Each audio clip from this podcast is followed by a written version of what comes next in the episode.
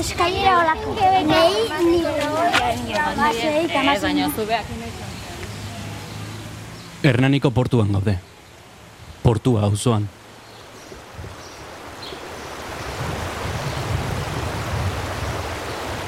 Aspaldi bertako erreka errepide gisa erabiltzen zen. Sagardo upelak, egurrak eta bestelako gaiak garraiatzeko. Horti datorkio izena.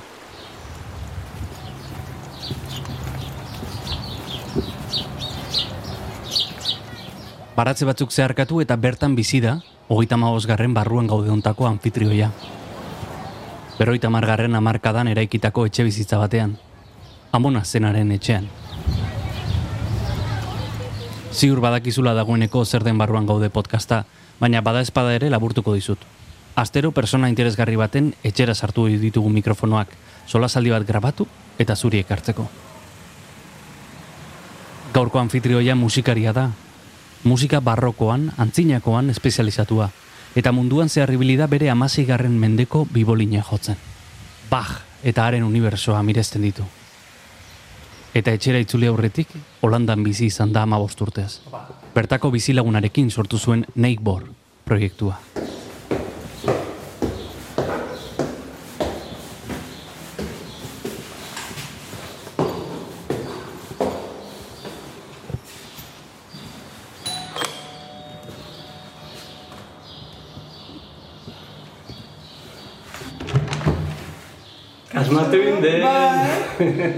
Normalian danak area jutei da, baina zuk asmatu indezu. Bai, bai, inde tola ber, eskubi, hau izangoa. Bai, batzutan eskubio ezker esan diate e, erabakitze zutela etxian aurrekaldiai beida jarri ezkeo, eta Bai. bestetan sartuta. Beraz, ni erabat nastuta, no? Ba, lehenengoan asmatu bet. Asmatu zu.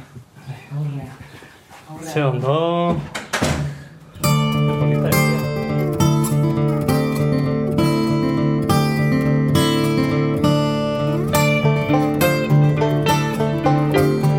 barruan gauden, maite larbururen etxean sartuko gara. Badago ba, musika partituretan, ba, ba, badia ligadurak, badia puntxuak, bakoitzak adierazten du jotzeko modu bat. Ba, gero bada, eh, badago iku- ikur bat, hola rombo estu bat bezalakoa, eta inglesez da dash, eta itarri italieraz da lakrima. Osea, batean da aiztoa, eta bestean da malkoa. Eta holako gauzak esaten du gizarte batek, herrialde batek, bere iz, izakeran daukan e, aberastasuna, batek aiztoa deitzen dio eta besteak e, malkoa. Berdin jotzen duzu? Malkoa edo aiztoa?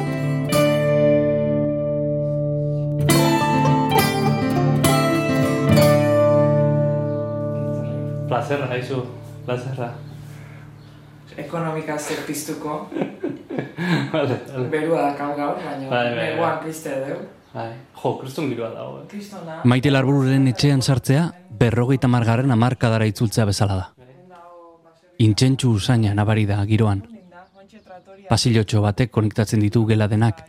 Horman eskegita, antzinako telefonoa dago. Eta korridorearen amaieran zukaldea. Amonak utzi zuen bezala. Beno ez, tokadiskoz bat du, entzimera gainean. Eta irratia. atzo pila berri jarri nizkion. Baina Euskari batia ez du harrapatzen. Ha, ez? Ez, onda baska harrapatzeu. Hau ere garaiko... Radio klasika ere ez. Dakit, nahiko... Berriz piztu dugu amonaren irratia, eta zorginduta geratu gara. que yo creo es que yo no sé por qué los que estamos en la música nos podemos volver locos porque todas nos gustan. No- nunca nos echamos a decir, ah, es que esta... Yo creo que... ¿Y sabes por qué? Porque a medida de que va pasando el tiempo... ¿eh?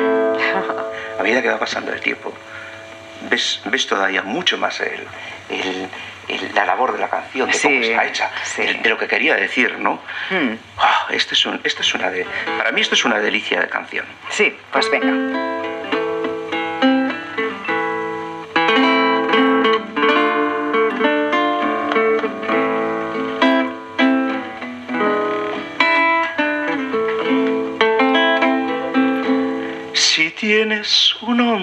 Hondo penal, piensa en mí. Ya lo sabes. Sí.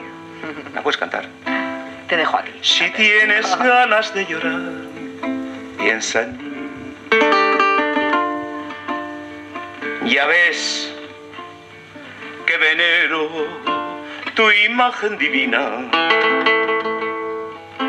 tu barbo la boca que siendo tan me enseñó a pecar. Piensa en mí.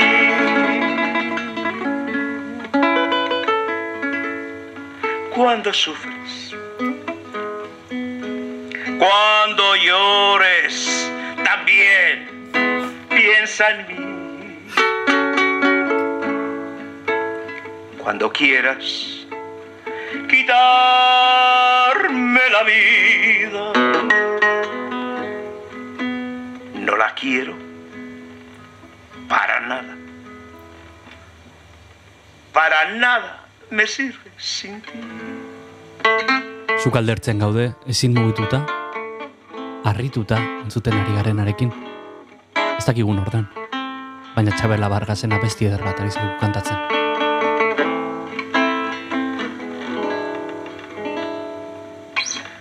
piensa en mí. Así que, bajando la luz.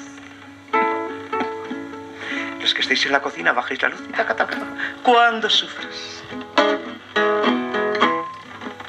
Cuando llores, también piensa en mí. Maite, Am- Amsterdamen amabost urte eh, inguru, ez? Bai, amasei uste, to, bueno, 2000 eta bian junitzan, eta 2000 eta emezortzian etorri nintzen ofizialki, bai. Amasei bat urte. Ba, gero, anaiza hemen egon bidai asko area inditut. Baina bai, ofizialki, bai, amasei urte hola. Eta ara, eraman zituen musikak, ez? Bai, ara junitzan, ba, bueno, e, biolin ikasketak initulako konservatoioan hemen, gero pare bat urtez Madrilea junez ibili nitzan, e, nahi nulako kanpoko konservatorio batian ikasi, eta irakasle batekin fro, sarrera frogak eta prestatzen egon nitzan Madrilen, eta nire ideia zan e, estatu batuetara jutia. Nire Madrilgo irakaslian irakasliakin ikastea, Indianako unibertsitatean, Bloomingtonen. Eta azkenian ez ninuten onartu, frogakin da da, gero, kriston bajoia, wow. Da. Eta hola irakasleak Madrilgoak esan zian, "Ba, beste urte bete itxoin, urren urtean igual plaza gehiago egongo da, ze oso plaza gutxi zeuden, eta Mm. biolinistak harri azpine badaude. Eta ez nik hemen dikatean nahi nun, ja, Mm. ja nahikoan akan hemengo ba, egoera musikalakin, eta oso urte gorrak izan zian netzako konservatoriokuak, eta bo, dana ondo amaitu nun, eta hori, baino oso... Gogorren zitzaizun hemen. Bai, oso gorra, oso gorra. Oso zarkitua. Bo, nik ez nun ulertzen zertzan, baino ni neon galduta. Hmm. Eta azkenian, ba, ze froga daude guain, ba, ez dakit nungo lekutan, eh, eh, Holandan. Bueno, norbait ezautzetan, bai, laian daukat, ez, Utrechten lagun badakat. Bueno, pues, honitzan bere etxea, eta initu nango konservatoriotako frogak, laian eta Mhm. eta Amsterdamen, eta bida, zailena, hartze, eh, zailena Amsterdam zen, eta Amsterdamen hartu ninuten, eta pues, Amsterdamea, eta gaina izan zen flipantia, zatikan e, egin un froga, txoen kafia. Bai. Baina zure zamarron e, musika barrokora gertuatu zela, ez? Gehiago. Bai, hasieran ez, eh? Junitzan e, e, ikasketa normalakitia. E, Mhm. baina gero bachelor deitzen dana bukatu nun. Bai. E, o, eta bueno, eukinitun nire irakasliak, biolinoko irakasliak antzinakoa ere egiten zun. Eta beti, ba ez dakit, antzinako musikariek tipologia xelebre bat o badaka, badakagu. Eta beak agian ni gano ikustezun, ez? Baina no, nik ez nakan antzinako musika aite zuen referenteik eta baldimanakan zan ez, eskorra. Beti esaten zan hemen adibidez barroko aite zuenak musikari txarra ziala, gaizki jotze zutela, eta orduan beti nakan prejuizio hori, ez? Eta berak, zergatik ezatzen hori. hori esaten dute, bueno, ba, igual beraientzat barroko estiloan jotzen, jotzea itxa, itxusia dalako. Osea, adibidez, hola, go, modu oso simplian esango izut eta simplista da igual, ez? Baina, Bai. bueno, hola, edo nork ulertzeko moduan, ba, nik esango nuke orain asko aldatu da, eh? baina guri erakutsi ziguten biolina jotzeko modua zan oso maskulinoa.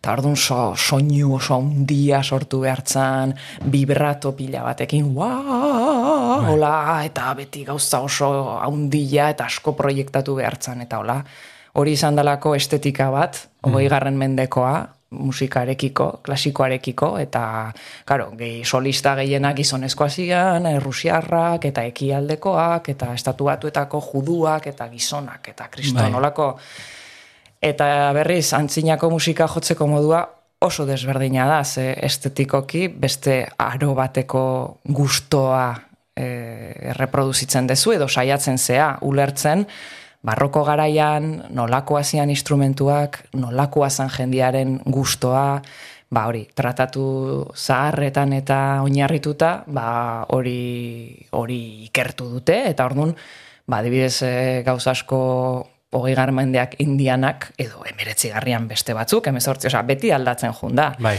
Baino, guretzako izan zen adibidez, ba, mo, guri erakutsi ziguten etengabeko "Waa!" vibrato hori garai hartan ez zitzaiela gustatzen. Hori zala adorno bat gehiago izan liteken bezala mordente bat edo trino bat, ba, vibratoa zen, e, ba, hori, apaingarri bat, orduan batzutan erabiltzen zenun, zerbait nahi zenunian azpimarratu, baina gero ja, hogei garren mendian bihurtu zen, etengabeko gauza bat, eta azkenian bere efektua galtzen du, ez? Etengabe erabiltzen badezu, ba hori, e, apaingarri berdina, ba, azkenian ez, ez, ez dauka efekturik. Hoi aipatzeko, ez da, orduan jotzeko modua da askoz gehiago kantidadia baino, ba, resonantzia, eta oso purista, eta orduan, ba, batzuen begitan hori ez da jotzeko modu ona. Orduan hortzeon egon da, ba hori, ba, gero esaten zuten ere antzinako musikari asko marikoiak ziala, eta hola- holako gauzak, nik holakoak entzun ditut nire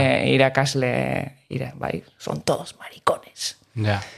Eta, bueno, marikones ez dakit, baina jende irekia, desberdina, bai, hortik atea zana, eta bere kixara ikertuzuna, ba, zergatikan jotzen dugu berdin du Bach, edo Schoenberg, edo Mozart, edo Monteverdi modu berian. Horrek zentzua badaka?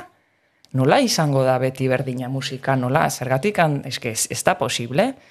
Zuk ikuste baezu palazio barroko bat, edo ikusten badezu e, Bauhaus garaiko etxe bat, ez dakate itxura berdina. Ba, musika ere etzan berdina izango.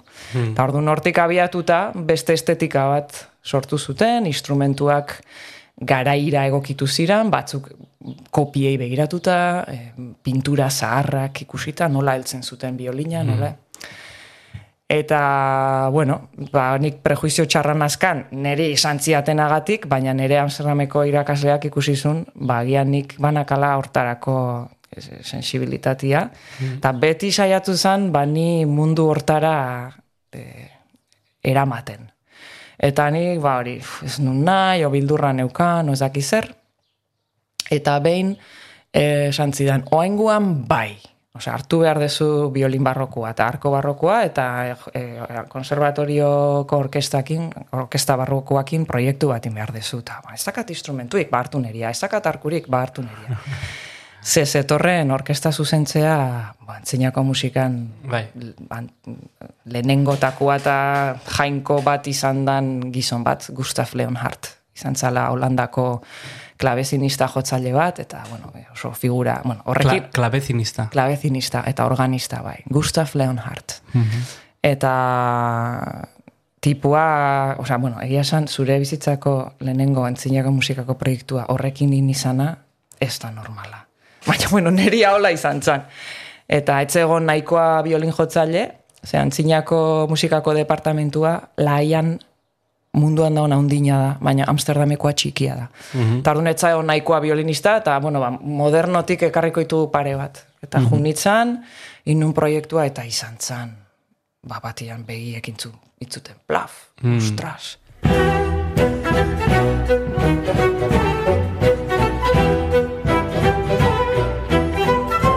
Ba, orain ulertzen, gauza asko ulertu nitun, ba, jo genuen Ramo eta Mozart. Eta nik Ramo ez nuen ezagutzen, ze hori barroko garaiko kompositori frantses bada, eta esan ez nuen inoiz jo, baina Mozart bai, askotan, eta baina modu horretan ez, eta berak esaten zituen gauzak eta instrumentu horrekin, bapatian zentzua zeukaten.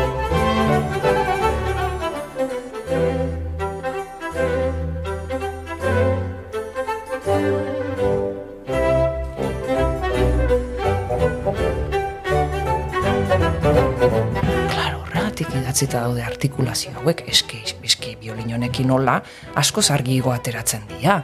Eta orduan zerbaitek intzun Deskurrimentu bat. deskubrimentu bat eta esan nun, ostra, oaindik hemen Amsterdamen nagola, igual aukera da hortan pixkat sakontzia, ze erbereak izan zian, movimentu hortan laroi garen amarkadan, ba, ba aintzindaritako batzuk antzinako musikan, eta orduan ba, musikari asko eta irakasle asko daude, eta horreatik hasi nintzen. Ba, igaitziten e, musika barrokoa, antzinako musika, amazazpigarren mendea. E, Bai, bueno, ez eh, dazka izen desberdinak, eta ezerk ez dio egiten justizia zatikan. Esa, batzuk esate dute barroko, baino barroko berez, emezortzigarren mendea da, eta beste batzuk esate dute e, musika antigua, baino, eske antigua romantizismo garaiare bada. Orduan nik zuzenena uste dela movimentu historizista.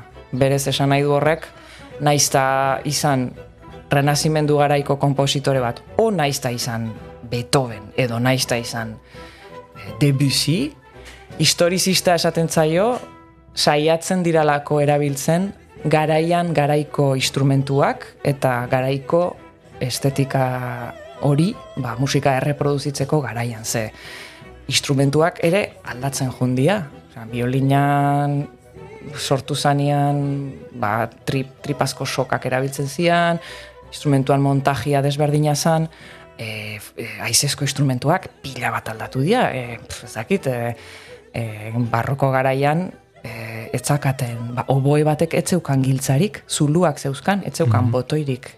Eta gero urteak aurrea pasala, gehitzen juntzian botoiak, eta batzutan, ba, adibidez klasikoan, igualdazka hiru bakarrik, baina romantizismoan ja zazpi dauzka, eta gaur egun danak botoia dira.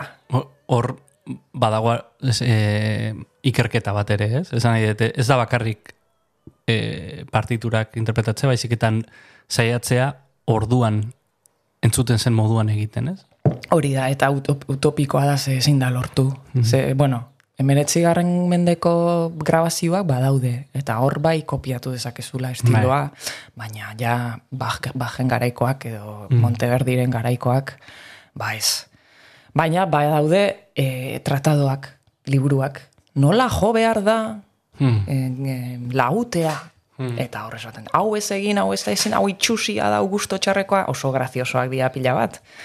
Baina horrek ez du esan nahi, ez zutenik egiten. Osea, hor beti dago, agian ez idazten zuten asko, hau ez da egin behar, jendeak egin itezulako, eta ez dakin hori ez zitzaiolako gustatzen, baina oso divertigarria da. Orduan azkenian, nolakoa zan musika hura eta gerturatu gea, nik ustet baietz, baina ezin da guztiz gerturatu ezin da. Batetik, ez dakagu beraien belarria, eta beraien gustoa, ja guk belarria beste zeo zerta inda dakau, grabaketak dauzkagu, horrek erabat aldatu du musika entzuteko modua, garai hartan etxeon, eta orduan ba, ba, bueno, utopia bada, baina uste dut nahiko zintzoa dala, ez? Hmm. A, adibidez, horro dago gauza kurioso bat aipatu duzunan ari eta da, bajek bere obra iruzpalau aldiz baino ez zuela entzun, ez?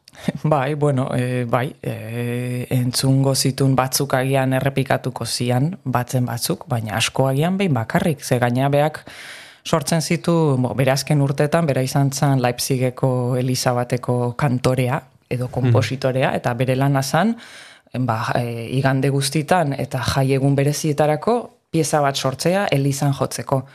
Orduan, ba, egun berezi hortarako sortzezun kantata bat, eta eta festa handia bazan, adibidez, e, aste santua sortzen zuen pasioa, berez lau, da badakigu lau zeudela, baino bakarrik bi eta baten zatiak da, iritsi dira guganaino, kriston piezak, eta horiek igual, bere bizitzan bi aldiz, o hiru aldiz entzun zitun, eta, bueno, gaur egun Holandan adibidez, ba, aste santuro, eundaka pasio egiten dira. Osea, imaginatu. Musika barrokoa lantzen duen interpretearen lana, edo obsesioa, amazigarren eta amazazpigarren mendean egiten zen musika berpistea da. Orduko testura, doinukera eta erritmoak imaginatu eta asmatzea. Ein handi batean, bada garai bat irakurtzeko modua. Pentagramen bidez irakurtzekoa. Bai, eta baita ere, instrumentua e, nola eutxita daukaten eskuan, eta, eta zer nolako e, gehigarriak ditun. Ze, ba, askotan, e, renazimentu garaian, biolina e, bularran parian eustezan, eta ez kokotzaren azpian. Eta etzeukan kokotzaren azpian jartzeko orain behar dan mentonera hori, eta Mm. etzeukan biolina utxutxean jartzen zanola. Eta arkuaren forma ikusita ere jakingo nuke klasikoa dan edo barrokoa dan edo edo eta, eta arkuaren forma ikusita ere jakin nezaken italiarra zan edo alemaniarra zan. Zeatik hori ere oso ederra da, orduan etzeon globalizaziorik eta arku guztiak desberdina zian. Adibidez, e, Frantzian, ba, Luliren garaian eta Luisa Malaugarrenen garaian izan zala Versaillesen ba, orkesta oso famatu bat egon zan garaia, Le 24 violon du roi, erregearen hogeita lau biolin jotzaileak, hoiek egiten zuten musika dantza egiteko, dantza akonpainatzeko, eta zeuskaten arku motx-motxak, eta oso arku formarekin, osea, konka, konkaboak. E, arku hoiek oso harina dialako, eta ordun ba, dantza egiteko eta saldo egiteko, ba, oizalako beraien eginkizuna, eta musika jotzen zuten, dantza piezak jotzen zituzten.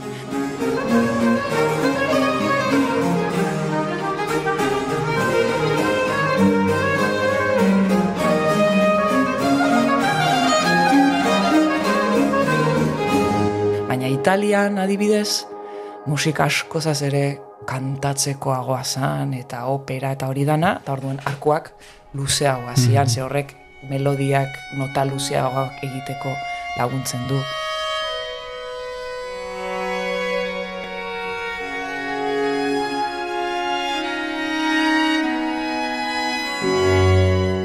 Eta orduan ba, hori oso polita zen garaian, eta bere zola da, da. Zegon musika italiarra, musika frantsesa, musika alemaniarra, musika inglesa, eta denen artean olako gerra bat zeukaten eh, estili, estilo moduan, eta batzuk bestiak kopiatzen zuten. Bajek badauzka suite italiarrak eta suite frantsesak.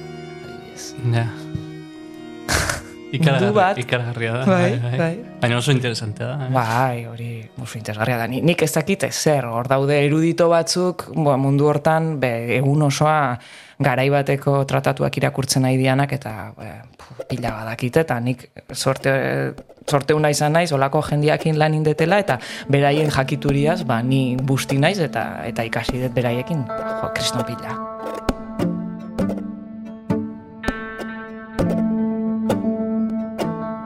Aukera okiko bazenu mende batera joateko momentu batez, ez? E, magia eginez, ze mendetara joango zinake. Ba, ez dakit, baina... Begiratzera, eh? Edo, Begiratzera, ba, mazazpigarren era jungo nintzateke, ba, bai Inglaterran eta bo, Italiara ere jungo nintzateke, ba, Monteverdiren opera bat ikustera. ez.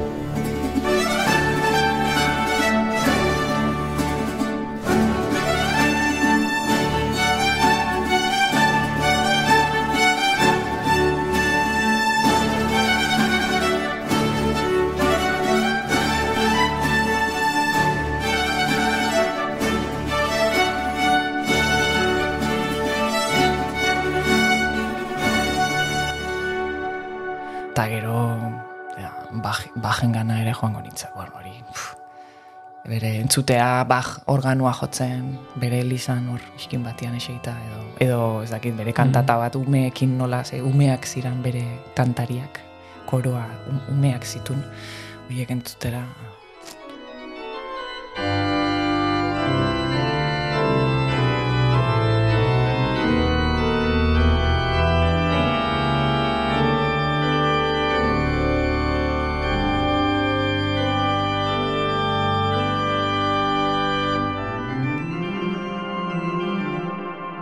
Zerrati daina handia Bach.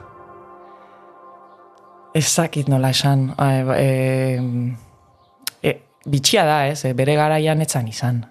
Osea, esan nahi dut, ez da betiko drama, o, baj, pobrea zan eta pobre hiltzan, ez ez, Osea, berak eukizun izena, eta lan, lan, lana eukizun, eta oso langilea zan, eta hori dana, baina pixkat arrarotzat zeukaten, bera etzan modako tipo bat.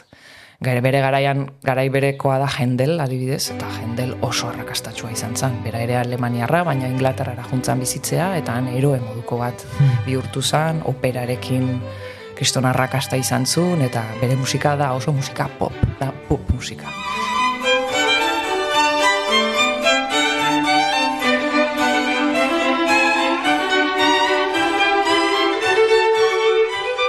Jendeari asko gustatzen zaio eta zitzaion. Eta baja adibidez, ba, garaian, zan tipo bat pixkat atzera begira zegona, ez da? Berak, baj, bajtarrak oso musikari onak izan dakoak zian, generazioak atzera belaunaldi, ez belaunaldi, eta bera izan zen, ba, musikagintza guzti hortatik dana jasozun bat, eta eta reenkarnatuzun bere aurreko guztien abil, abildezia hori ez.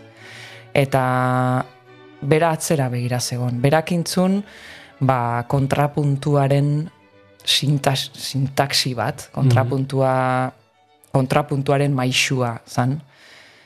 Eta kontrapuntu hori eramantzun, ja azken muturreraino. Osa, hori ja ezintzan gehiago garatu. Bera garatuzun azken muturreraino, Tardun, baj bukatu zanean, bere musika egiteko modua bukatu intzan. Eta gero, ja, beste bide batetik jarraituzun. Gehiago melodia eta akompainamentua.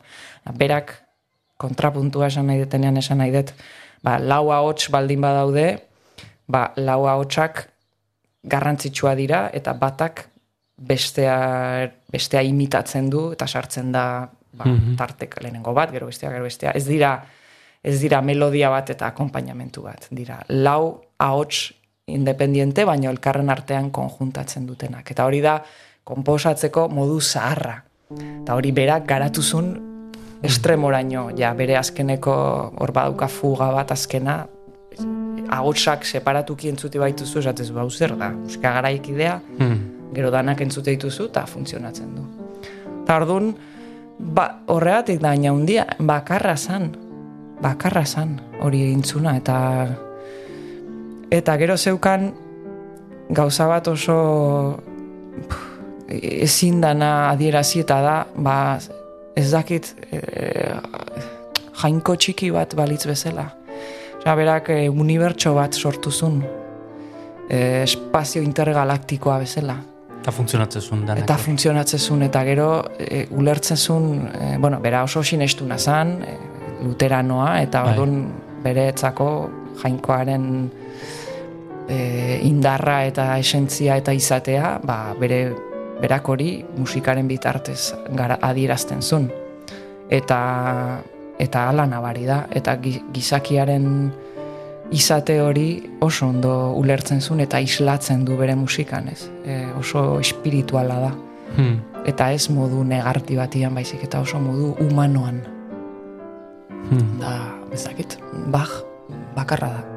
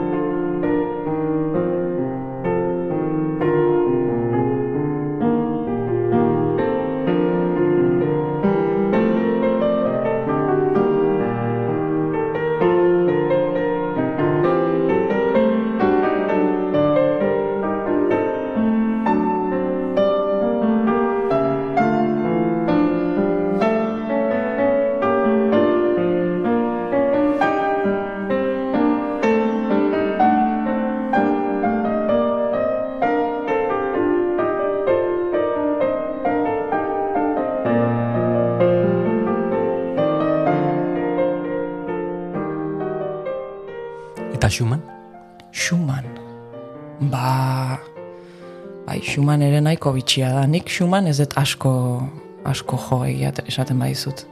Eta entzun ere ez dut asko entzun. Baina Schumann ere... Schumann gehiago ikusten dut zerbait zaila bezala. Schumannen mundua.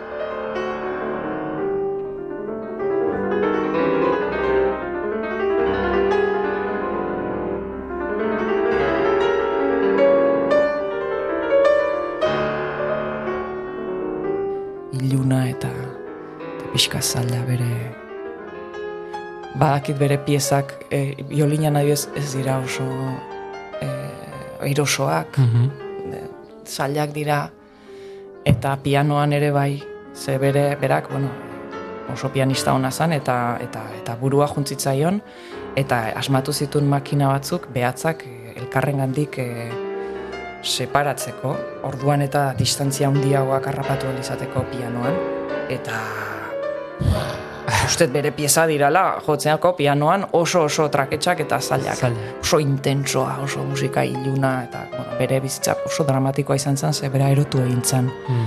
Orduan, ustet hor, hor badagola sufrimentu handi bat berak adierazten zuen hortan.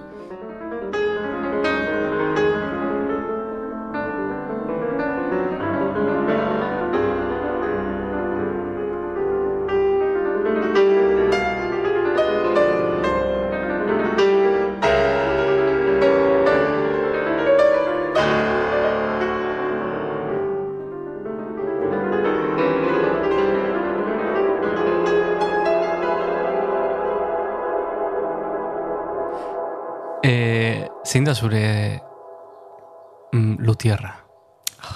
Nere lutierra. Ba, lutierra ez dakit badaukaten.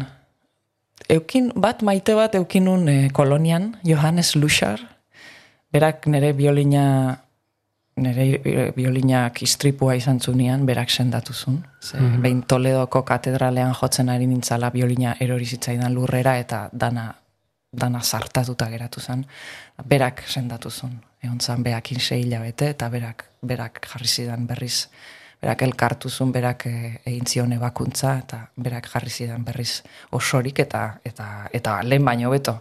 Eta oso tipo maitia nun oso, oso berezia. Baina nere lutierra baino nere nik maite detena da nere arketeroa. Arketeroa e, laian bizidan e, gizon bat. Luis Emilio Rodríguez Carrington du izena, eta mexikarra da. Ara? Eta erdi txamana da.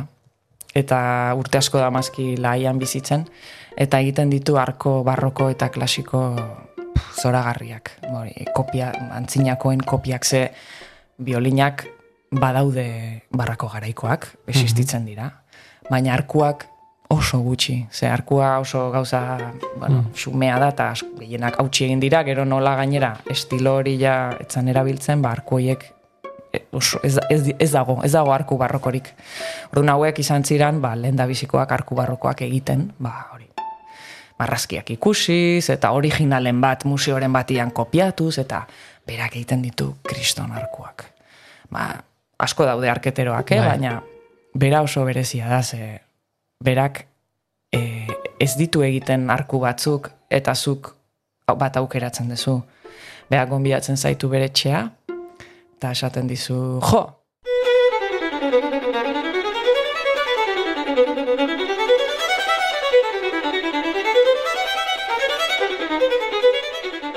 eta hartzezu biolina, jotzezu, entzuten du, behiratzen du zure biolina, eta esaten du, bueno, nik ustet biolin honek, zuk zer uste duzu?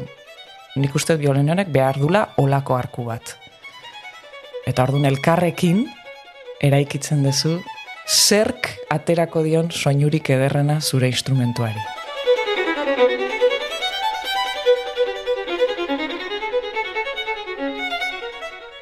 E, orduan, zurekin elkarlanean egiten ditu bi edo hiru arku, eta horietatik, ba, zuk aukeratzen duzu ongi, ongien datorrena. Gero, jende askok bildurra dio, ze batzutan ikusten badu zure instrumentua ez dagoela egoera honean, edo zerbait aldatu behar zaiola, edo, ez dagoela guztiz ongi, esango dizu, oraindik ez dizut arku bat egingo, ze instrumentua ondo egon arte, nik ezin dut jakin zer datorkion ongien. Orduan askok diote ikara, ez, ematen du azterketa bat egiten dizula. Baina nik oso ondo konektatu nun behakin, bagian ere mexikarra dalako, eta gazteleraz hitz egiten genuen, eta bea oso filosofikoa da, eta nire Bai. bai, eta orduan nor, ba, asko maite dut, oso tipo berezia da. Bai, artista bada, oso ondo pintatzen du, bere maztea amargolaria da. Eta pasazen un bere zamina pasasun zure biolinak. Bai, bueno, egaina oso bitxia izan da, zegin zidan arku bat, bueno, zaldia deitzen genion. Berak arku bakoitzari izen bat jartzen dio, eta egin zizkidan hiru bat, eta, ba, bueno, dena, bere arku guztia dira onak. Baina, bati deitu genion, ez, beste bat zan zaldia, bati deitu genion zaldia, beste bati sagarra, eta beste bati kristala.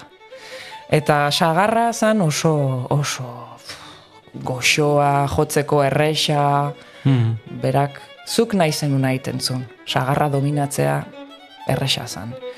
Gero zaldia zegon, zaldiarekin naiz goatzen. Ba, gero zegon kristala. Eta kristala zan, jo, ondo harrapatzen bazenun, ateratzen zuen biolinen soinua, baina barru-barrutik, kling, nola zuzenean. Hmm. Baina ezin zenun egin zuk nahi zenuna. Ba, berak agintzen zuen. Arkuak agintzen zuen.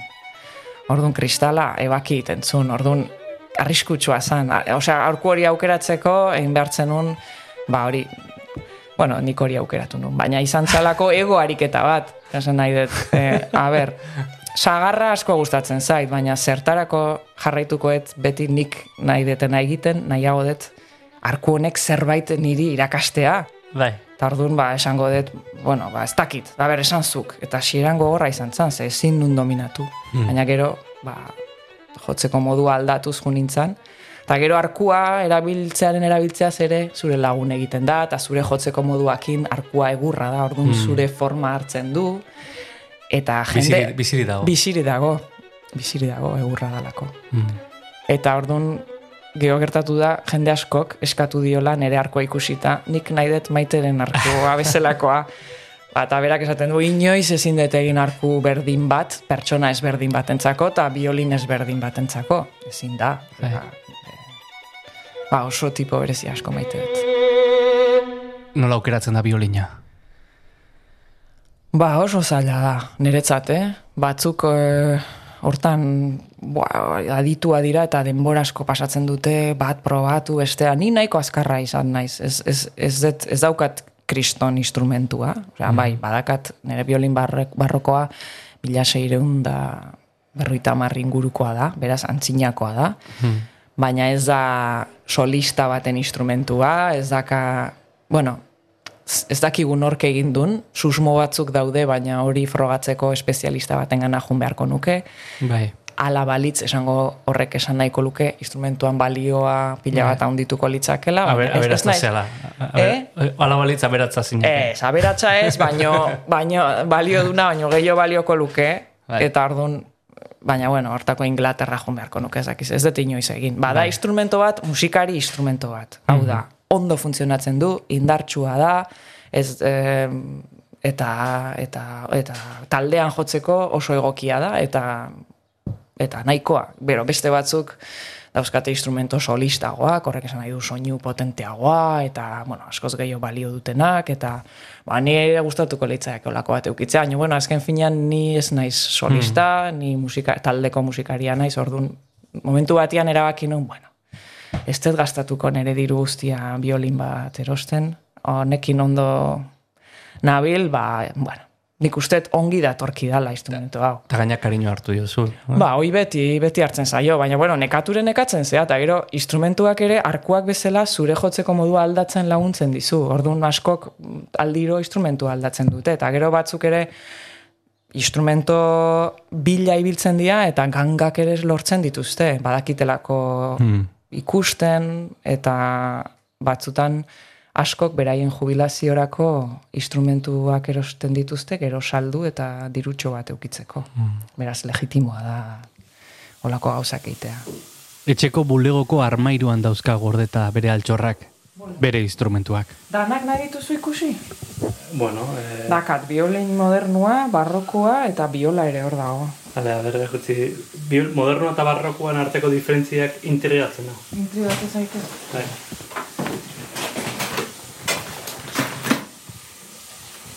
Ui, ama, eta non dago, saskibaloiko baloni bat. Baita ere.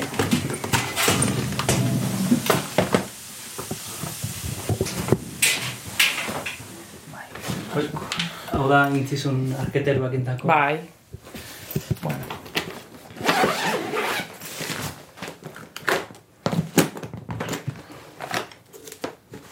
Hau da. Zapi baten bilduta. Bai, zetaskoa. Ze, zetak temperatura, ba, bez, bueno, Bai. bakizu e, txitxariek beraien burua estaltzen dute zetarekin, Mhm. gero pinpilin pausa bihurtu aurretik, eta zetarekin biltzen dute larba, ba, eta horrek babesten ditu, ba, ezetasunetik, hotzetik, berotik, eta mantentzen du temperatura bat, eta horregatik zeta da oso ona instrumentua estaltzeko. Horrek iten du, ba, bueno, gero kutsa ere eh, nahiko ona euki behar dezu, Bai. horrek babest, baina hala ere, ba, zetak babesten du Aha. e, ba, temperatura estremotatik. Haitu. Ba, eta gero daka hemen zinturo itxusi bat, hau da, amplifikatzeko zegoain, amplifikatuta jotzet gehienetan, Ja. beraz, eh, Eta hori, pikapa. hau da, eh, modernoa. Hau da modernoa, eta hau da e, bere arku modernoa. Ah. Eta hau da modernoa, esango genukena normala, jende Bai. violinista gehienek jotzen duten bai, orain egindako. orain egindako, bueno, orain, hau da 2000 eta... Bai, 2000 eta laukua, baina e, moderno askok e, violin zar batekin jotzeute, eh? ez du zertan berria izan. Osea, zuk eukizak ezu Stradivarius bat, dala, barroko garaikoa, bueno, zuk. Edo nork ezin du euki Stradivarius bat, esan dut eh, ezaguna dalako, baina milaka daude, milaka instrumento barroko, pila bat. Eta er, ez, euki dezakezu olako bat, eta gero moderno montatuta daude. Ba, Ja. adibidez ikusten duzu, hemen eh, honi izaten zaio fingerboard. Ha, Hori nola esaten da beste hizkuntzetan. Fingerboard. Fingerboard, ba, ta, tastoa da italieraz. Eh, ez dakit nola dan, baina bueno, behatzak jartzen dituzun lekua, hau plataforma beltz hau, Atztaula dituko dira. atztaula, politia da. Ba, honek daukamu oso luzea, eta modu batera eraikia, zubia ere hemen ikusiko zukeo barrokoan altuagoa da, gero hemen daka mentonera, hemen kokotxan azpin eh, eta almohadila bat, ba, musika emezortzi me, garren mendetiko, emeretzi garren mendetik aurrea, hasi zalako musika idazteko teknika biolinan gora juten. Musika antzinakoa gehien bat hemen beran jotzen da. Orduan, ez daukazu biolina eutxi beharrik kokotzarekin. Ola jotzen, jotzen zuten, edo ola jotzen zuten. Baina gero, hasi zian kompositoreak gero eta gorago idazten, eta orduan esku hau euki behar dezu libre, ezin dezu. Ja. Eta horregatikan hasi zian buruakin instrumentua gehiago eusten. Eta orduan jarri zituzten, Mentonera. bai, ortopediak. Bibolin barrokoa amazazpigarren mendekoa da, eta batek daki ze musikariren eskuetatik igaro zen maite larbururenera iritsi aurretik. Hau da zure altxorra. Hau da nere, bai, nere altxorra. Eta dago bidaiatzeko e, bere kutsa espezialean, ze hegazkinak eta hasi ziranian merketzen, gero eta arau gehiago jartzen hasi zian, e, ba, e, kabinan zer eraman ziteken da zerrez. Eta orduan, hasi zian debekatzen biolinak sartzia, edo ordaindu behartzen nun beste eseritoki bat. Biolin bat eramateagatik. Eta orduan sortu zian horrelako fundak. Ze hau kabitzen da kabina gaineko, eserleku gaineko eh, ka, armarioan, hau sartzen da horrela. Bai. Hau sartu behar duzu horizontalian, Ja, baina hau sartzen da horrela. Eta orduan, intzuz, hasi zian iten fundak bakarrik biolinantzat eta arkua aparte. Aha. Olako tubo batian. Eta orduan horre- horrela ez zenun ordaindu behar beste eserleku bat. Bai, etxala le, etxala trampa. Ridikulua da, baina baina biolontxeloak eta hola, ba, erosi behar dute beste eserleku bat. Eta hau da nire beste altxorra. Honi deitzen diot babuska. Abuska. Babuska. Amona. Ah, bai. Amona da, e, bai, polonieraz. Babuska. Eta Polonia, hau da, Poloniarra da, eh? Ez, ez dakigu zer dan. Hau etorri zan Hau, Hor- Holandan erosi nun, baina ekialdetik ekarrizun jabeak, lehenago hijito batzuei erosi zien. Eta azken albistea izan detena berai buruz, Bruselako lutier batek ikusi zuen eta erosi egin nahi izan zidan. Galdetu zidan, salgai dago? Eta zen e, e, zeba. eta esan agian izan zitekela Jacob Rayman bat, dala egile bat e, Inglaterran bizi izan zana, ba hori, aspaldi, aspaldi, amazazpiaren mendean, eta agian izan zitekela arek egindako biolin bat, baina horretarako joan beharko nuke Jacob Raymanen espezialista dan lutierrera, eta hori bizi da Inglaterran, eta arek ikusiko balu, eta esango balu ba bai, ba, jakingo genuke ark egintzula, baina bestela anonimoa da. Eta nola, nola e, jakiten dute, nola jakiten dialako gauzak? Ba, horretan jakitu nadianak badakite, osea, ikuste dute instrumento bat eta segituen nik eta zuk ikusten ez ditugun gauza pila bat ikusten dituzte, distantziak, iskinak nola eginda dauden hemen, efeak nola moztuta dauden, egurra nola moztuta dagoen zen orabidetan, eta egile batean espezializatzen danak badaki zein dan faltsua eta zein ez. Ze, karo, biolin asko daude eta barruan etiketan Stradivarius jartzen du, baina ez da egia eta beste asko daude e, etiketa galdu dianak, o ez daukatenak, o ez dakizu ezer, etiketa normalian ez da egilean, da, bueno, hor jarri zaion zerbait. Eta sokak, Sokak hauek tripazkoa dira, ikusten duzu? Aha. Dira tripazkoak, hau da, esteekin eginak. Hemen dauzkat, e, ja, e, entortxatuak, hauek zilarra daukate, eta gero nik, baino frikia naizelako, metalezko sokak etzaizkik gustatzen, eta honi jartzen dizkiot arrantza egiteko ariak. Ze, hau, hau biolin hau azken aldean erabiliet asko amplifikatutan, ere kontzertutan, e, antzerkian eta, e, eta einautekin jotzen detenetan, eta tripa erabiliko nuke, baina tripa oso delikatua da. Temperaturakin denbora guztien desafinatu iten da, puskatzen dira oso azkar, Orduan nola trotean ibiltzeko amplifikatuta eta fokoekin eta hola ba, ezin dut erabili tripa. Baina arrantzaiteko soka hauek triparen nahiko soinu antzekoa daukate. Ez da gauza bera, baina eta gero oso resistentea dira. hmm. Eta hemen dauzkat eh, arrantza egiteko, baina hori oso frikia naizelako da. Japoniako Kyoto ondoko fabrika batean egindako arrantza egiteko sokak. Eta ba ikusiko zu, bueno, igual ez duzu ikusiko, baina lehen esan degun atztaula, bai, ikuste zu hemen, hemendikan ust utxa do, bai, hau ez, karo, hau, hau luzegua da, bai, hau motxagoa da, ze garai hartan etzan eskua igotzen hainbeste, gero hemendikan angulua daka, eta hemen kirte txiki badaka, honek ez, ja, zubia ere desberdina da, hau honekin desberdina barruko montajea ere desberdina da, hau, hau ere harinagoa da, honena desberdina da, honek ez dauka ortopediarik, hau horrela jotzen da, horrela ez, horrela ez. Ta, ta soinuare erabat ezberdina, ez? Bueno, niretzako bai, agian e, pertsona, kaleko pertsona batentzako ez, baina niretzako bai, desberdina da. Eta gero arkuak, hemen dauzkat bi Kristal. Kristala hemen dago, eta, bueno, e, nire arketeroak bi, bi egin zizkidan. Hau da barrokoa, ikustezu, beti naztuiten naiz konkaboa eta konbexoa, Bai,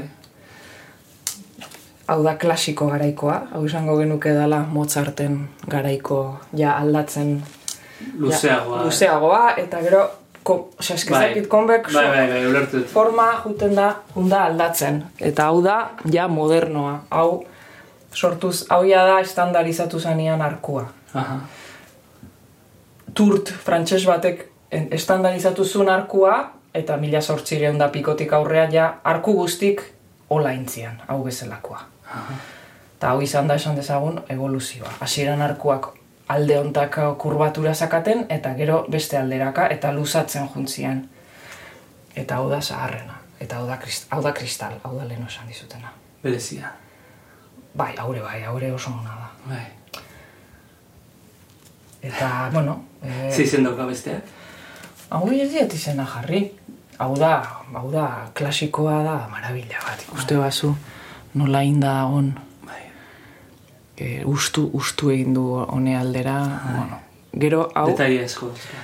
Bai, hori dena zerbait, zerbaitegatik da, eh? Da puntan harinagoa izan dedin, eta hemen taloia deitzen zaio. Parte honi astunagoa izan dedin. Eta gero, hau dira, eh, bueno, botoia esaten zaio. Tu, tuerka bat, tuerka bat, eta Bai. txuria da, ikustezun bezala. Bai.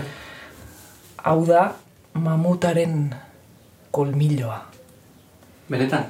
Bai, ze garai batean egiten zan marfilarekin.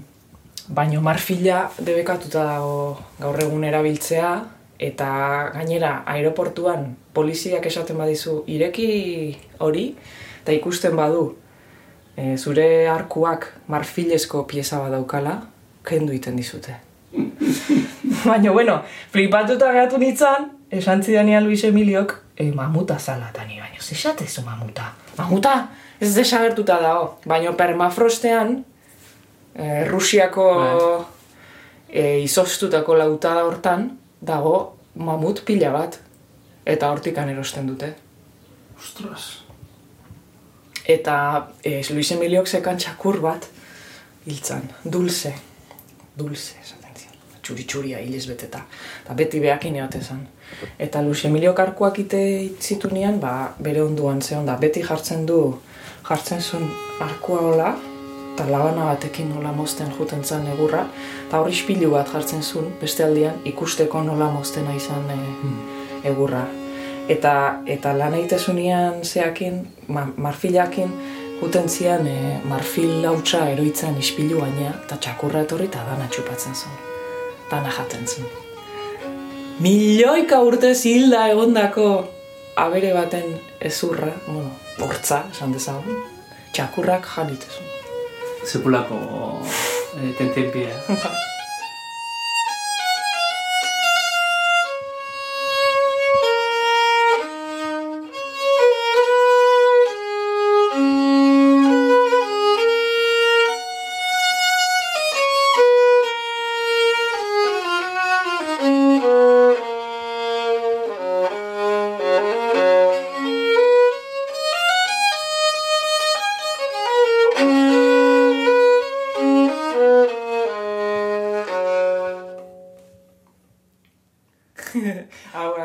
aspaldian ez dut, jo, bain, falta motatzen da pixka. Aipatu duzu sintetizadorea. Bai, Musikari, antzinako musikan espezializatu zea, baina nola irakurtzen duzu gaur egungoa? Gaur egun gauza asko gertatzen, garai aldaketa baten gaude, eta hori musikan ere sumatzen ari da. Bizige aro digitalean, ez? bai, Horrek dakarren guztiarekin, bai.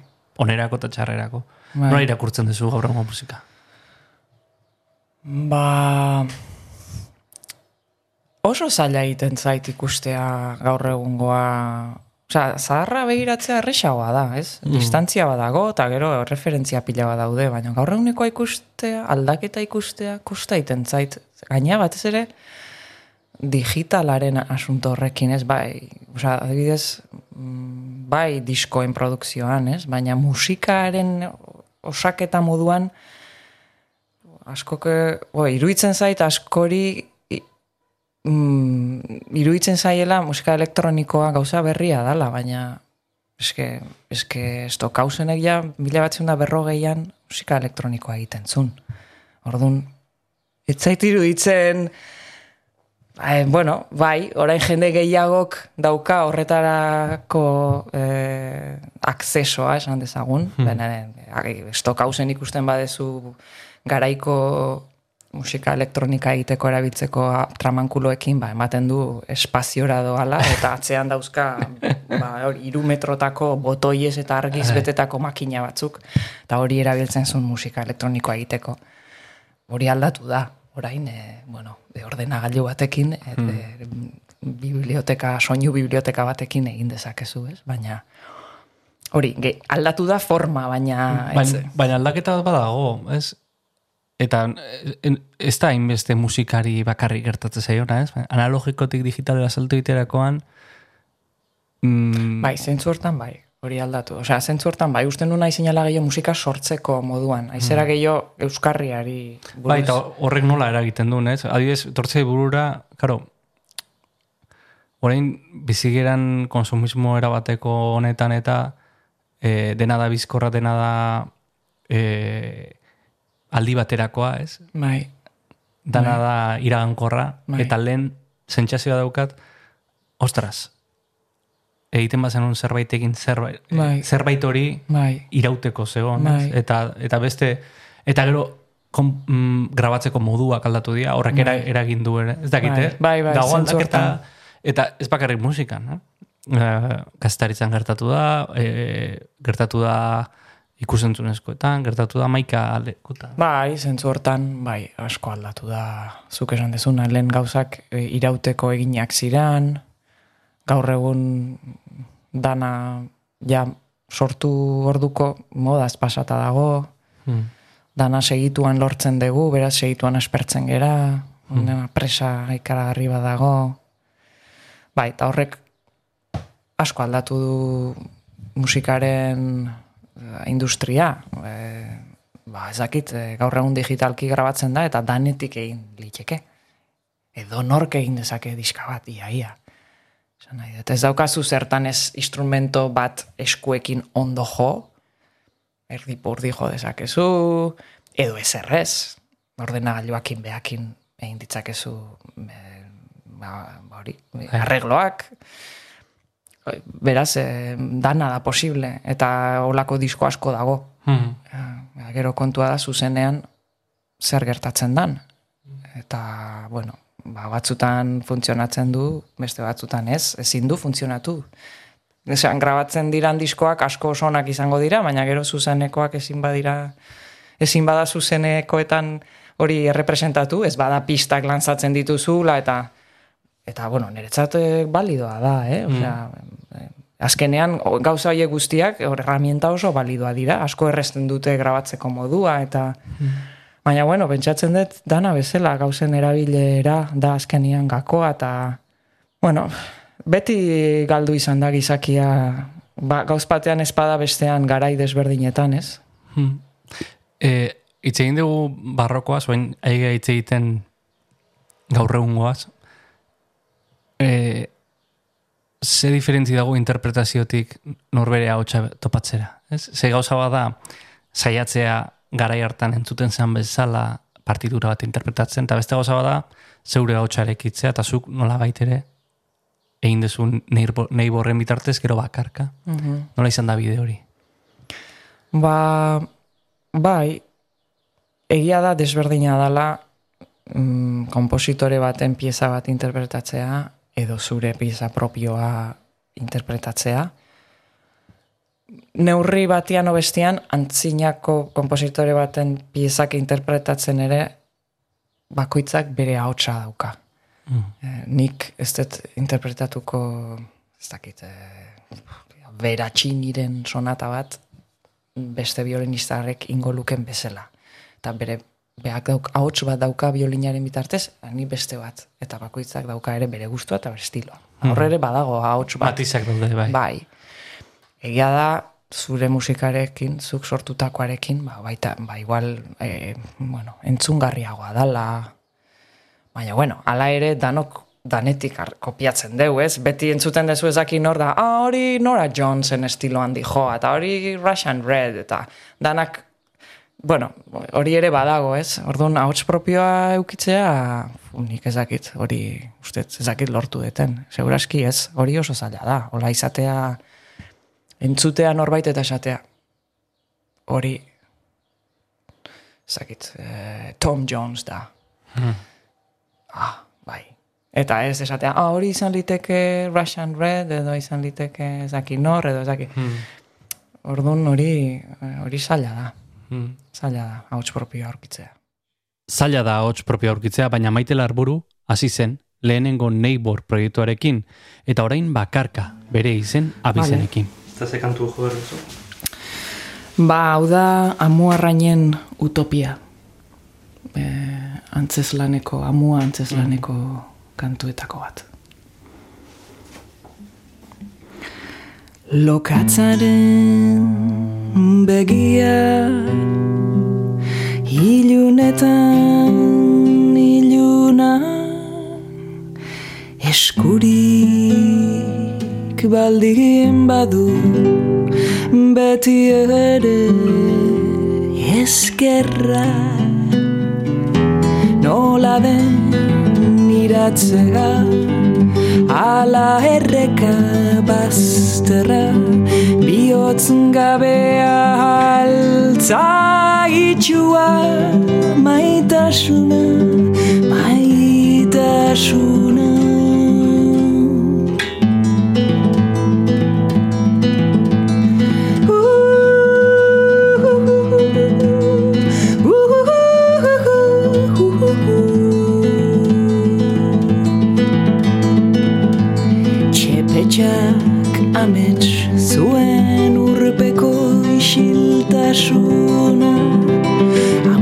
Amuarrain utopia alaber luma epela bestega ikutu gabe Elkar maite zutela bizi ziren ez jakin alde zuten fortuna,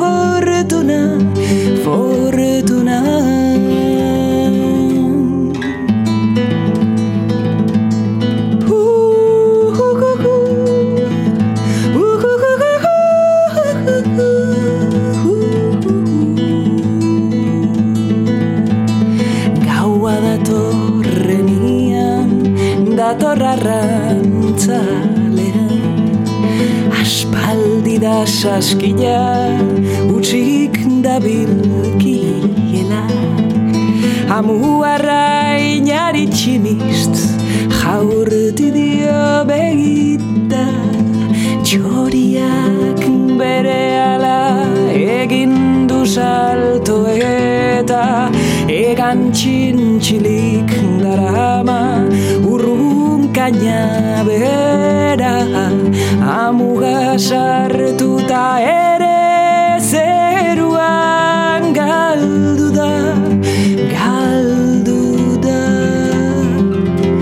Amua sartuta ere zeruan galdu da Amua sartuta ere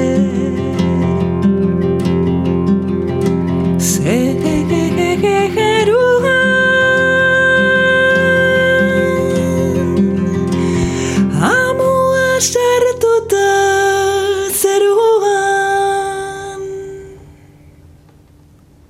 Aipatu duzu juntzinala naskatuta zeundelako hemen, ez? Bai, Zer- sarre. Zergatik itzuli zinen. Egia esaten baizut ez nun itzuli nahi. Eta itzuli nintzen etxe gabe geratu nintzalako, Amsterdamen. Ni e, bizi izan nintzen amairu urtez etxe zoragarri batian, beste zazpi pertsonekin. Hola, modu oso hipian, komunitate batian, baina sekulako ingurunean Amsterdam zentru-zentruan, hiru pisutako etxe batian jardinakin, e, bueno. Eta gero nire bikotea, etxe hortan bizi izan zana baita ere, zemazkin lau bat urte Euskal Herrian. Bera bueltatu zan, ni baina lehenago. Bera Amsterdamen ezagutu nun, baina bera urte askoan e, e, ni baino lehenago egon zegoen Amsterdametik eta pixka nekatuta zegoen. Eta orduan Euskal Herria zautu zunean, ba, etorri zitzen gogoa, ona etorri eta hemen bere enpresa bat montatzeko. Eta esan nion, bueno, amonaren etxea hor dago, nahi bazu jun, ni ez noa. Eta bera etorri zan. Eta ordune, bueno, nire zai egon zan urte batzuk, noiz etorreko zea, eta ni uda- udaran. eta hala, egon ginean urte batzuk, urte erdia hemen egoten zan bera, eta urte erdia ara etortzen zan. Eta nik alnunetan, ba, ona etortzen nintzen berarekin. Eta etxea gabe geratu nintzanean, ba, etxe bat Amsterdamen aurkitzea oso zaila da, eta korrika eta presaka ez nun nahi, eta orduan erabaki nun, bueno, bitarte hontan Euskal Herria jongo naiz, eta nire lana danez egonaldika, ba, bidaiak egingo ditut, jonda etorri, eta tokatzen zaidan lekura, eta, eta orduan pixkat buelta izan zan fortzosoa, baina temporala. Baina gero gertatu zitzaidan zerbait aldatu zala nere baitan ona etorri nitzanean, eta zerbaitek krak lekua topatu zun. Adibidez, e, bueno, jendearekiko harremanak, ba, naturalagoa dela niretzat. Zentzu batian, e, eta natura, han natura gizakiak eraikia da, eta hemen ez, eta hori ere faltan botatzen nun. Ta gero pixkanaka hartu naiz, baita ere izan dela, mm, sentitzia, baseola, tokitxo bat hemen agian nik bete nezakena. Zer, zer gertatu zitzaizun euskararekin? Ba, euskerakin gertau zitzaidan, e, izan zala, ba, batian, ez dakit, lo hartzia bezala, oso nekatuta zaudenian. Oso nekatuta zaudenian, bakizu lo hartzezula, eta ze hona da noi. Ez tezu pentsatzen, ez zertan, ez da, ametxik ere, zaude lo. Ba, euskeraz berriz nere burua adiraztia, eta euskeraz irakurtzia, eta euskeraz sortzia, eta euskerarekin harreman bat izatia, bestiekin euskeran bitartez, izan zen loitia bezala, oso nekatuta zaudenian. Eta dana bere lekuan ze- zeon, bapatian, erresa zan. Ez zan ez errin biana, loitia bezala ez dit inorkeak utzi loiten, baino badakit, ba, olako zerbait izan zen. Ze, esan dezakegu, bueno, euskaraz aparte eta musika aparte, beste hainbat hizkuntza ere e, menperatzen dituzula, ez? E, hitz egin, Bai, e, ulertu, bai, bai. irakurri. Goazen errepaso bat itea, zer eman dizu hizkuntza bakoitzak? Ze sentsazio daukazu eman dizula? Ba, bo, adibidez, e, esan dezagun, nire ama hizkuntza euskera da, eta, bueno, gaztelera ere bai modu batian, baina nik gaztelera enun hanbeste inoiz itzein Amsterdamea joan nintzen arte. Han e, e, konservatorioan e, Espainiako e, musikari asko zeuden, eta gero han ezautu nun nire bikotia, eta beakin gazteleraz hitz egiten dut, bera e, Valentziarra da, baina, Hmm. bueno, gazteleraz hitz egiten dut. Orduan, hor sortu zitzaidan nire beste bat, nire beste izate bat gazteleraz, ez nuna ezagutzen. Eta, bueno, horrek eman zian freskura handi bat, zen nik etxian ez nun behin gazteleraz itzein, eta bapatian etxeko giro batian gazteleraz itzeitia, eta beste pertsona batek, bueno, beak etxe, bere jatorria Valentziarra da, eta etxean beti Valentziarra dute orduan da gaztelera bat berezia, ze berak badazka bere hitz batzuk Valentziara, Valentzieraz, eta orduan horri biltzen gea, hori polita. Hor, Gazteleraz maitatzia, ez? Bai, gazteleraz maitatzia, oso gauza bitxia izan zana, zen nik gauza asko gazteleraz ez nitu inoiz esan, adibidez musu bat eman, e, bakarrik hori gazteleraz pelikuletan ikusi nun, eta orduan, iruditze zitzaidan beste, ez dakit, pelikula batian nago. Ba, bueno, Bai. hori polita izan zan. Bai. Eta gero, bueno, ingelesak, ba, ingelesa oso hizkuntza txikle bat.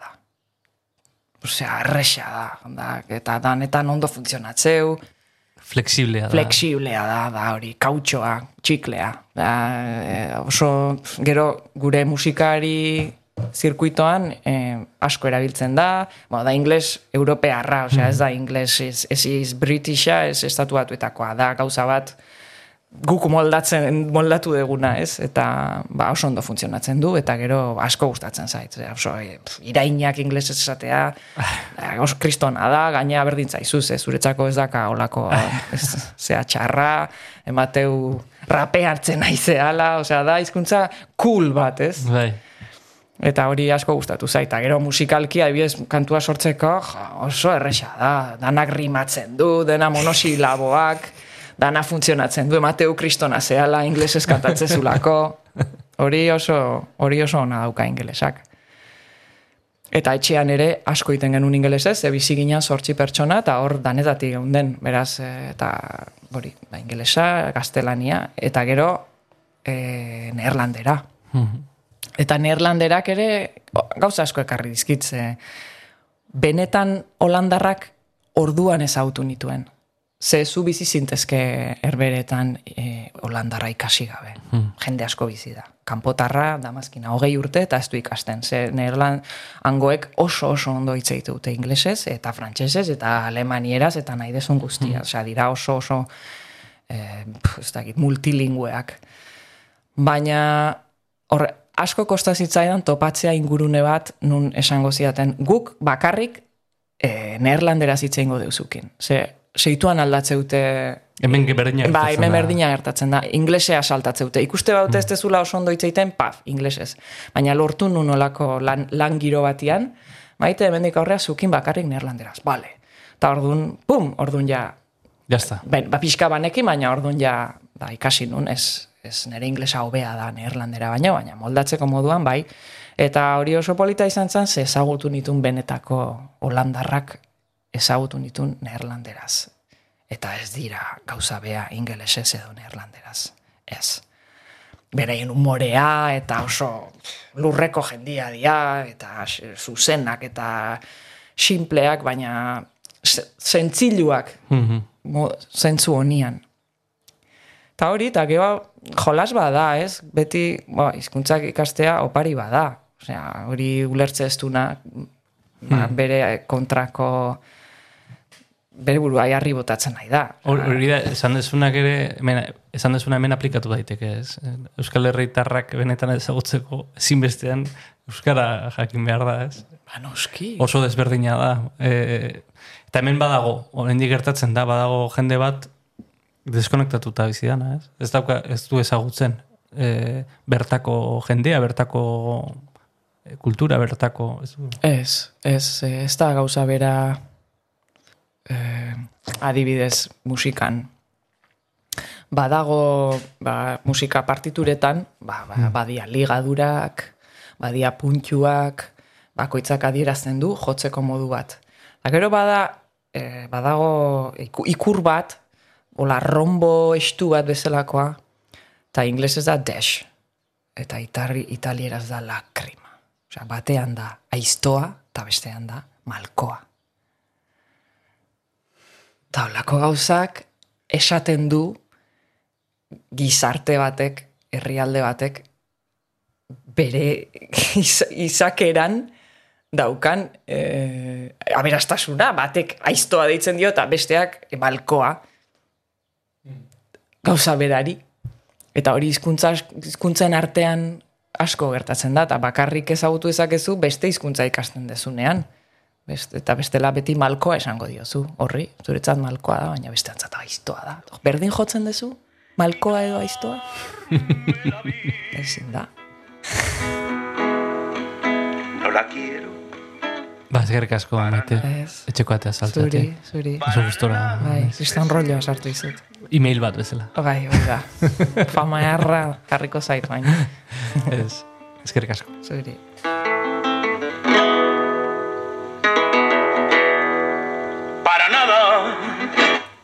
Me sirve sin ti.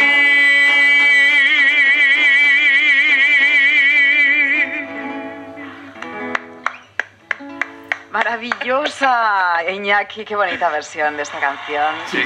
De Luz Casal, bueno, la hemos escuchado en, la- en el cine, ¿no? De la mano de Almodóvar. Hoy, hoy, hoy, hoy, oírsela, oírsela a Chabela Vargas. Sí, Ay, ajá. ay, que tienes Néstor. Sí, zintza. Este beñi jakingo. Si estáis en el... En la cocina baja la luz. Pero si estamos de día. Ai, ama. Zer gauza, atzo pila jarri nion. Atzo, atzo, pila aldatu baiot. Aizu, ba, oso ondo funtzionatzu, eh? Bai, bai, baina hori ez ditu harrapatzen. Radio 3.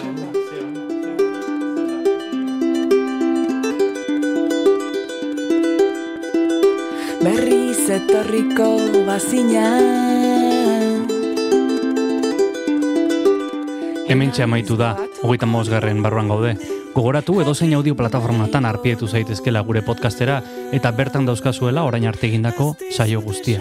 Alaber, Twitterren gaude, abildua barruan gaude kontuan, bertan ere jarraitu gaitzakezu. Eta gogoratu gure lagun eta lankide Juan González Andresek saio honen siamesa egiten duela gaztelaniaz. Estamos dentro. Ura ere topatuko duzue audio plataforma eta sare sozialetan. Besterik ez, bezarkada bat eta datorren astera arte.